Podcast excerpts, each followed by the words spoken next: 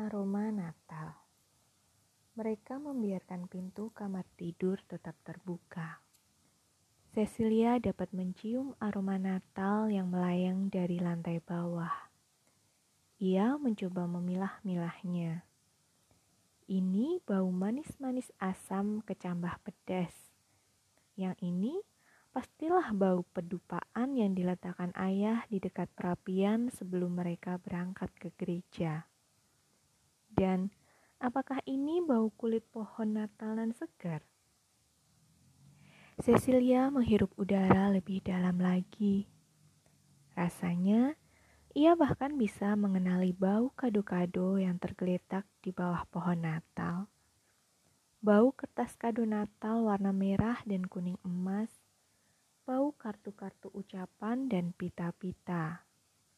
Tapi masih ada lagi aroma sesuatu yang gaib dan ajaib. Aroma Natal itu sendiri. Sembari membawi semua ini, ia bermain-main dengan pintu-pintu di kalender Advent yang tergantung di atas ranjangnya. 24 pintu yang ada di situ semuanya sedikit terkuak.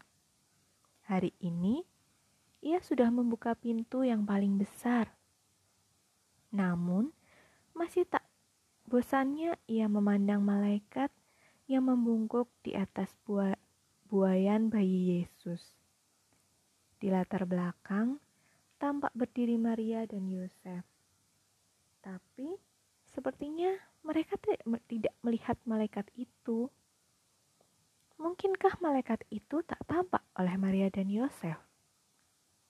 Pandangannya menjelajahi kamar itu.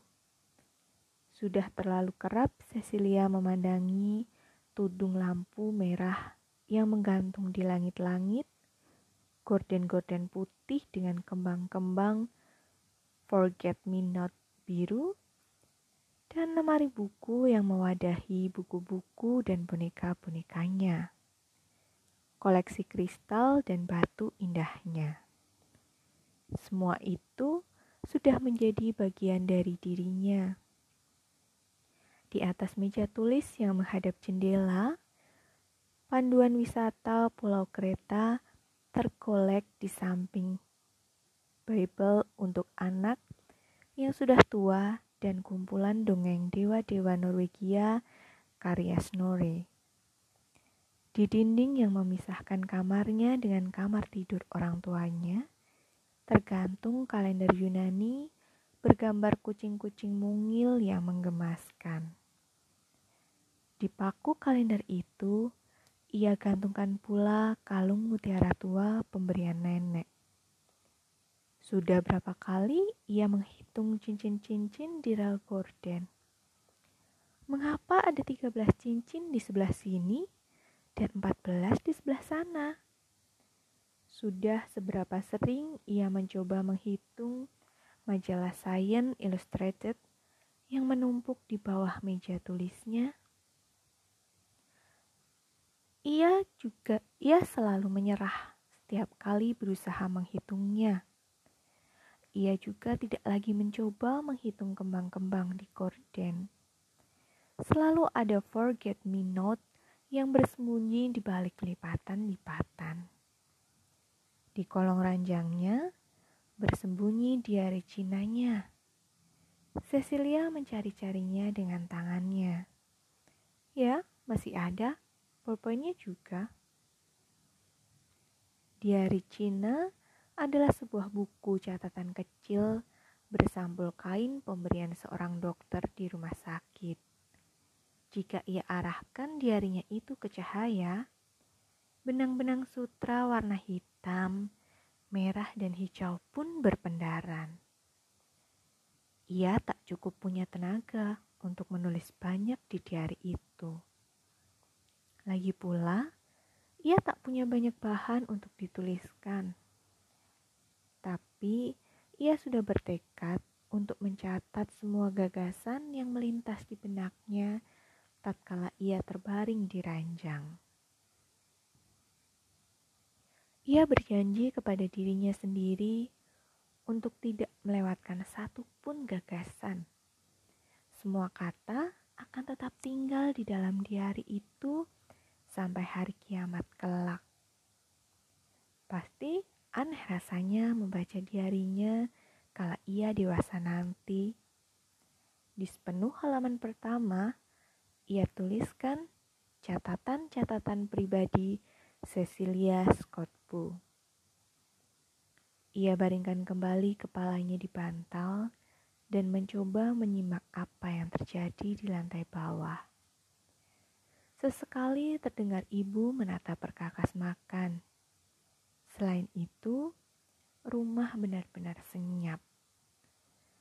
Anggota keluarga lainnya akan tiba dari gereja sebentar lagi, tepat sebelum atau sesudah mereka datang.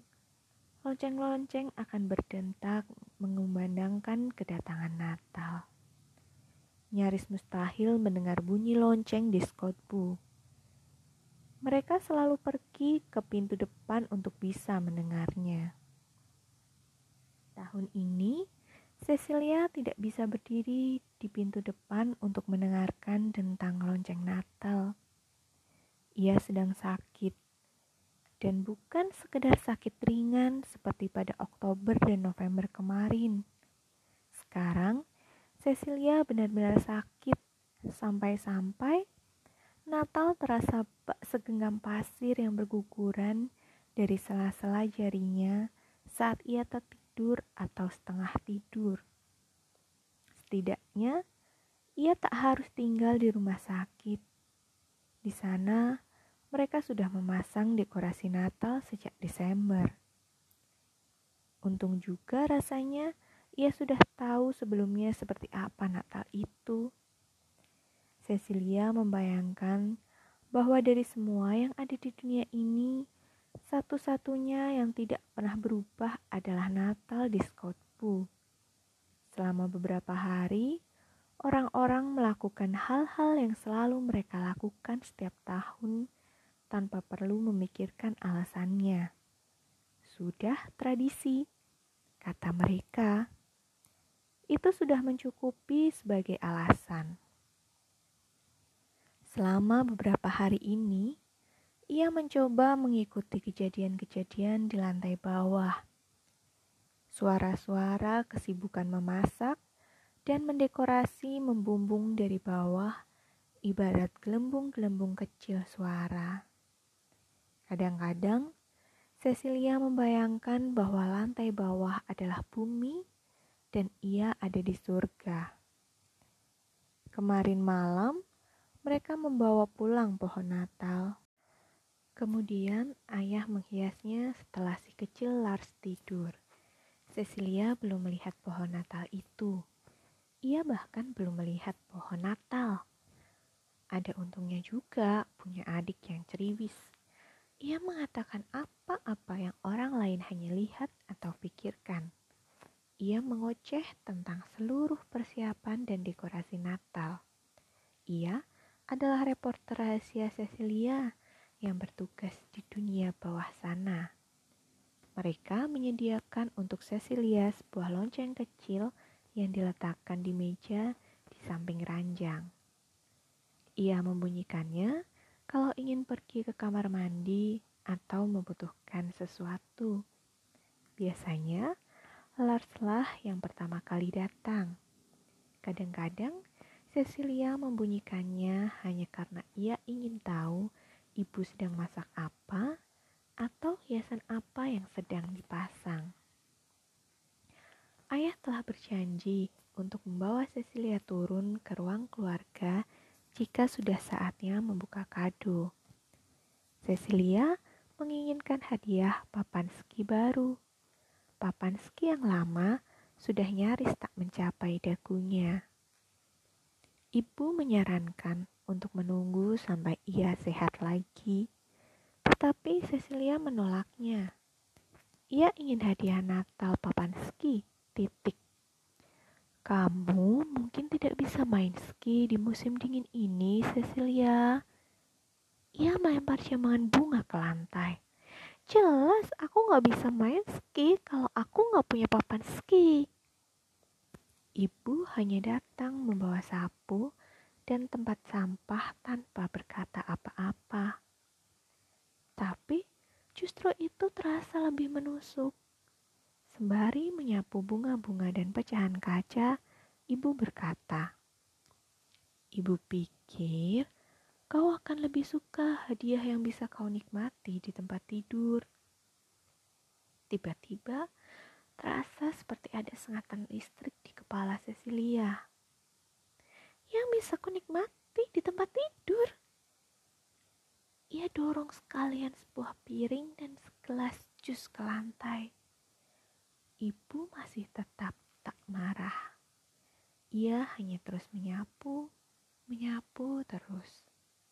Buat jaga-jaga, Cecilia menambahkan bahwa ia juga ingin sepatu skate dan tobukan atau kereta, kereta luncur.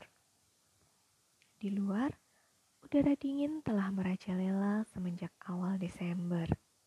Sesekali, Cecilia bangkit dari ranjang dan melangkah tertatih-tatih ke jendela tanpa bantuan siapa pun. Salju terhampar laksana selimut lembut di atas tanah beku. Di taman, ayah telah memasang lampu-lampu Natal di pohon pinus besar khusus buat Cecilia. Lampu-lampu itu biasanya digantungkan di pohon fir kecil di dekat pintu depan. Di sela-sela dedahan pinus, ia bisa melihat sekilas bukit gagak di kejauhan. Pemandangan di luar sana tampak paling cerah selama hari-hari mendekati Natal.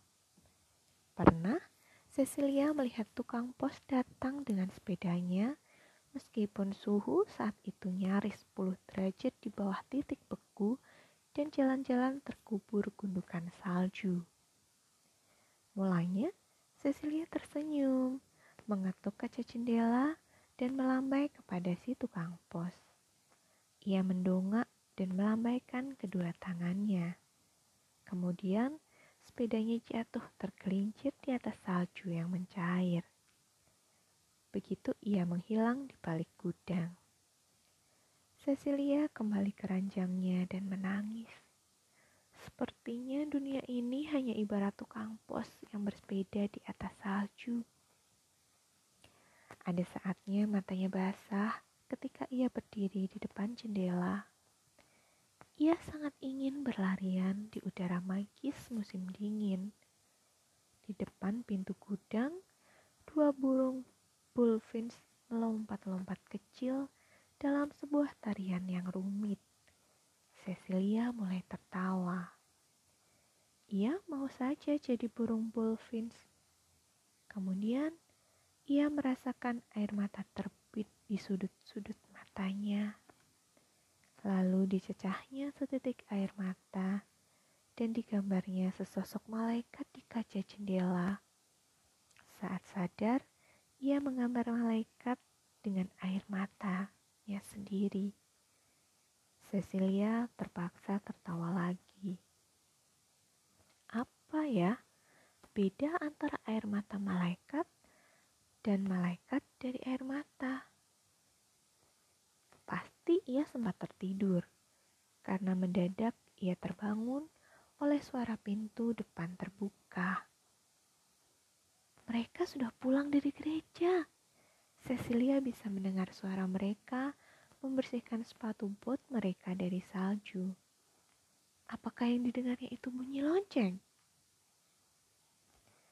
Selamat Natal, Ibu. Selamat Natal, anakku sayang. Selamat Natal juga, Tony.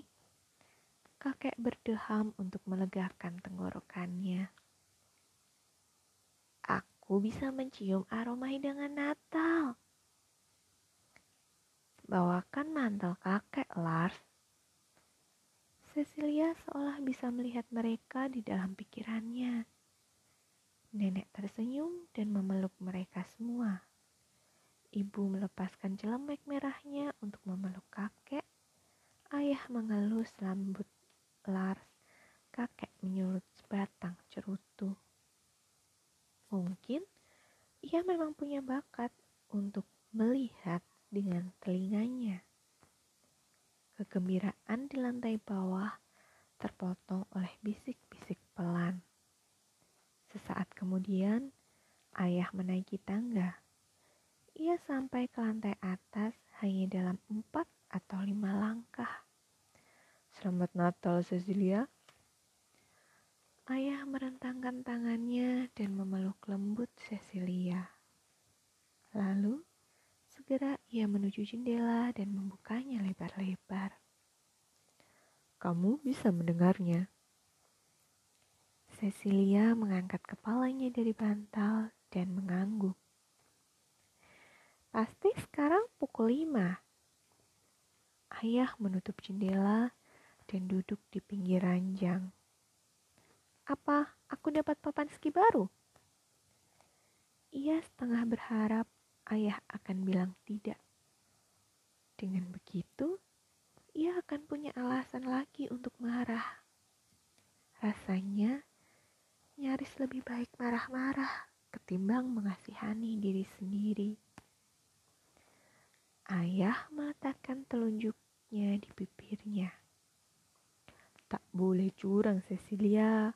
Kamu harus menunggu dan melihatnya sendiri. Kalau harus begitu, ya sudah. Apa kamu yakin tidak mau berbaring di sofa sewaktu kami makan bersama? Ia menggelengkan kepala. Mereka sudah sering membicarakannya.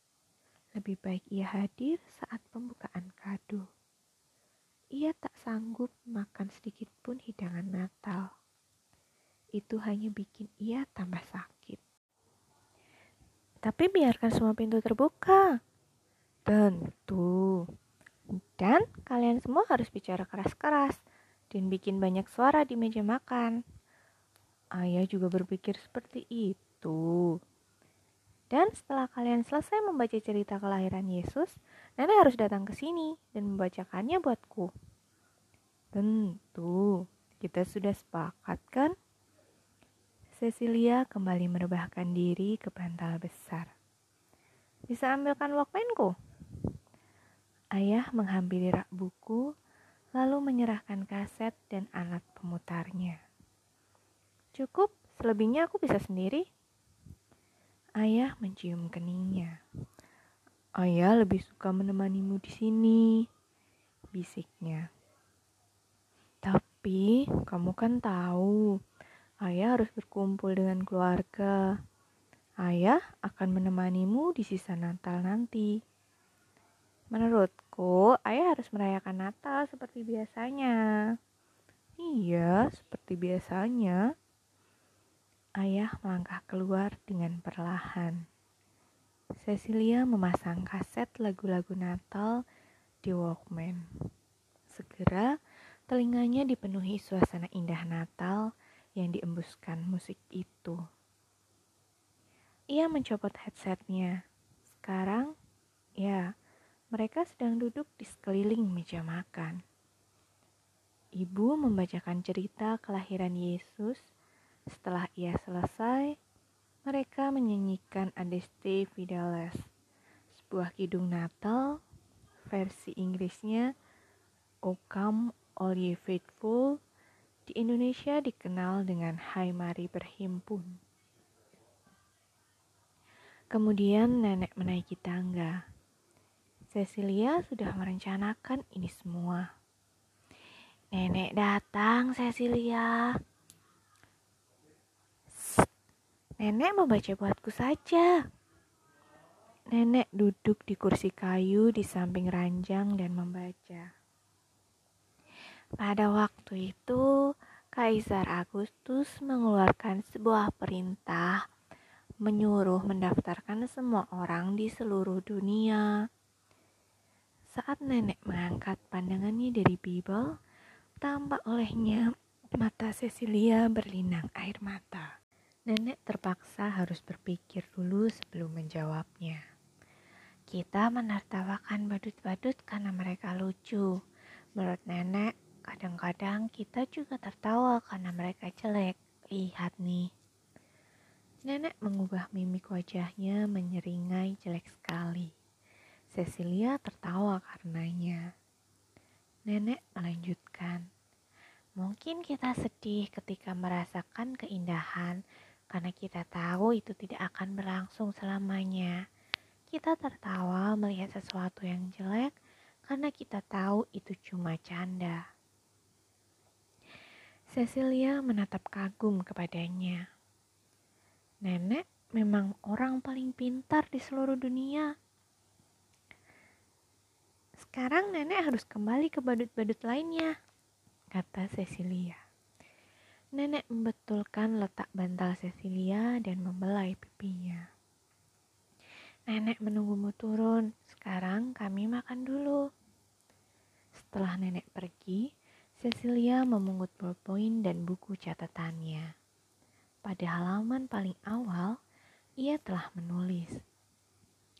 Aku tak lagi berdiri di sebuah pantai asing di tepian laut Aikea. Tapi ombak demi ombak masih membuncah di pantai itu, membuat bebatuan menggelinding ke sana kemari, berpindah-pindah tempat sepanjang keabaya, keabadian.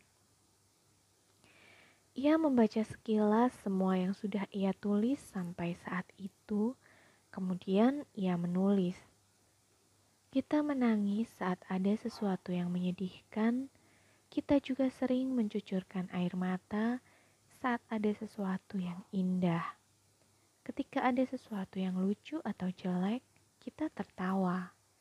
Mungkin kita sedih saat merasakan keindahan karena kita tahu itu tak akan berlangsung selamanya.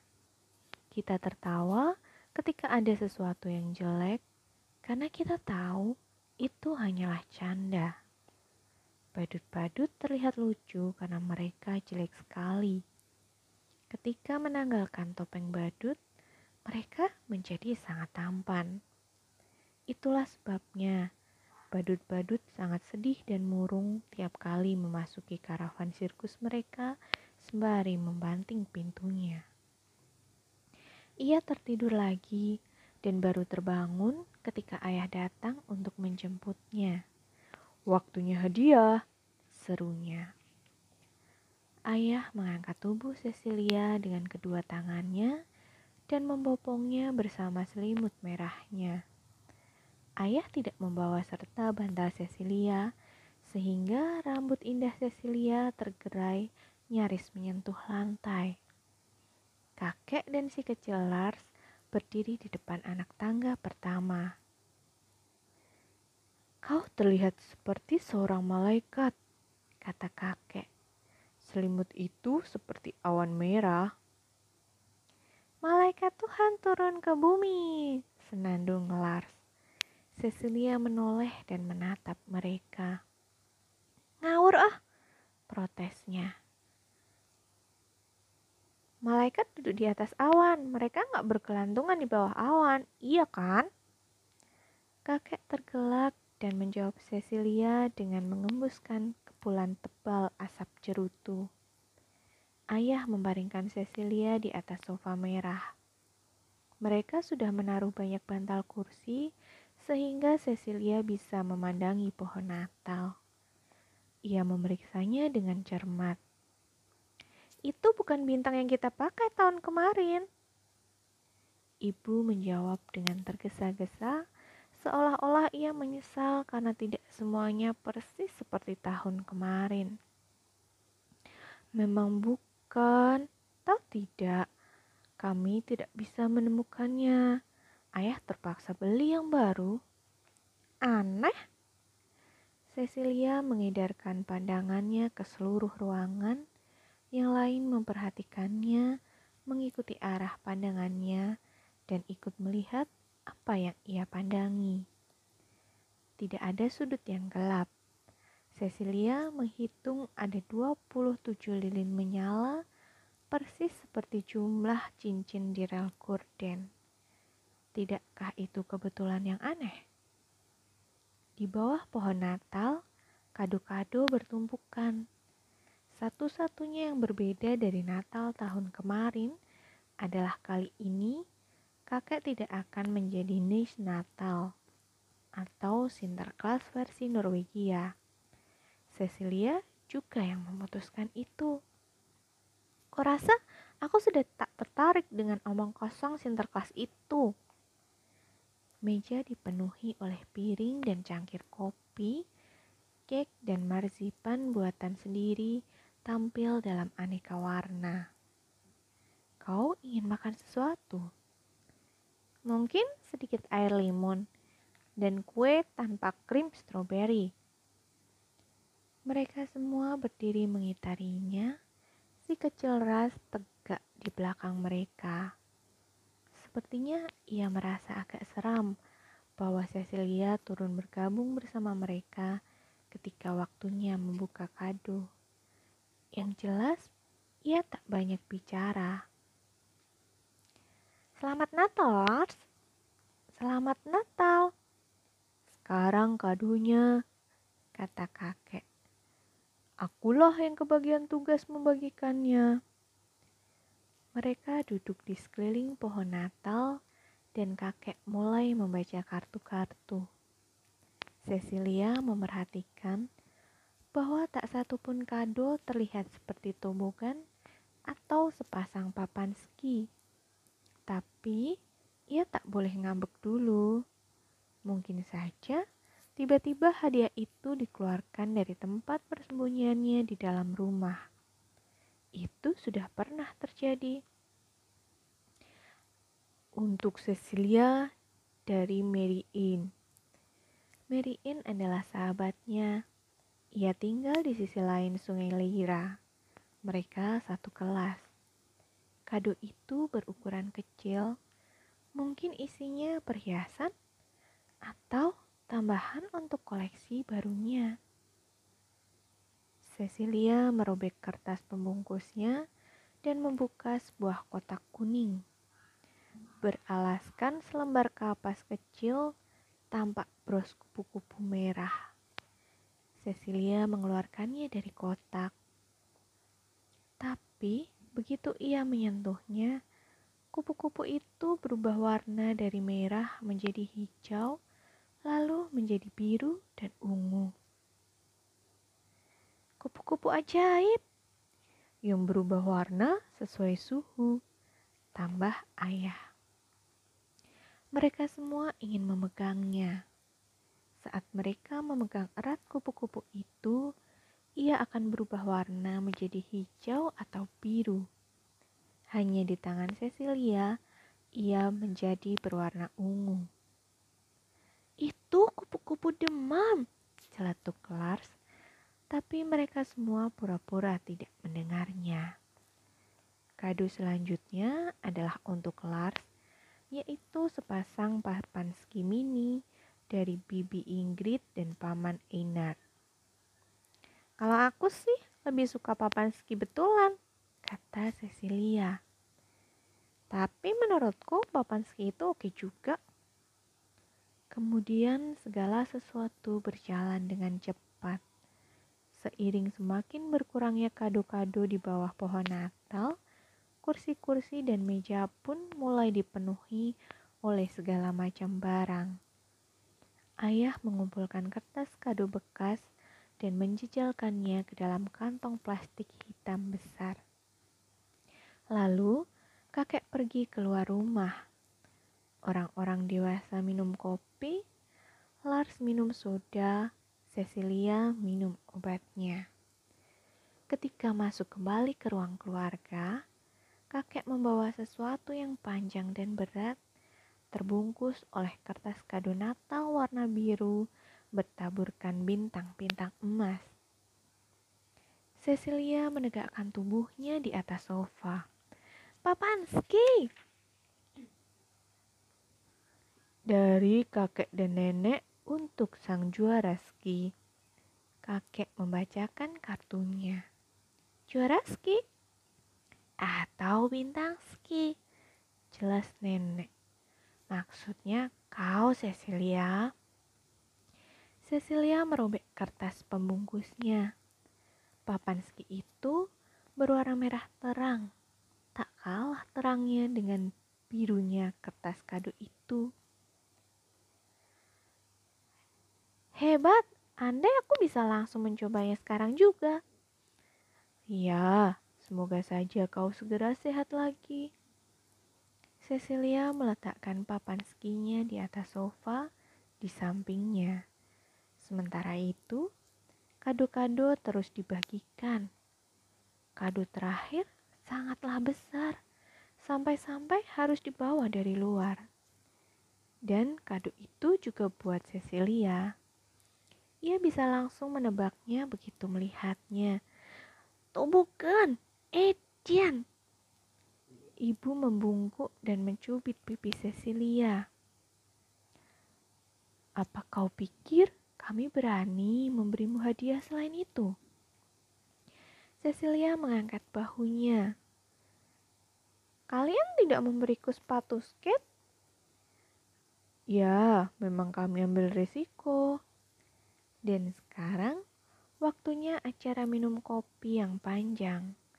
Cecilia sangat bersemangat melihat berpiring-piring kue dan buah, marzipan, manisan buatan sendiri, dan kacang. Memang seperti itulah mestinya. Ini hari Natal, tapi ia sendiri hanya makan sepotong roti kismis dan minta seiris roti panggang berlapis madu kakek bercerita tentang Natal pada masa lalu. Ia merayakan Natal di ruangan itu setiap tahun selama lebih dari 60 tahun. Tapi pernah suatu kali ia juga sakit. Ketika waktunya bernyanyi bersama di sekeliling pohon Natal, Cecilia mulai mengantuk dan ia minta dibawa ke kamarnya lagi. Pertama-tama, Lars dan ibu naik turun membawa semua hadiah Cecilia. Cecilia bersikeras meminta semua hadiahnya diletakkan di dekatnya. Terakhir, ayah menggendongnya ke lantai atas setelah mereka saling mendoakan agar besok bertemu di hari Natal yang indah pula.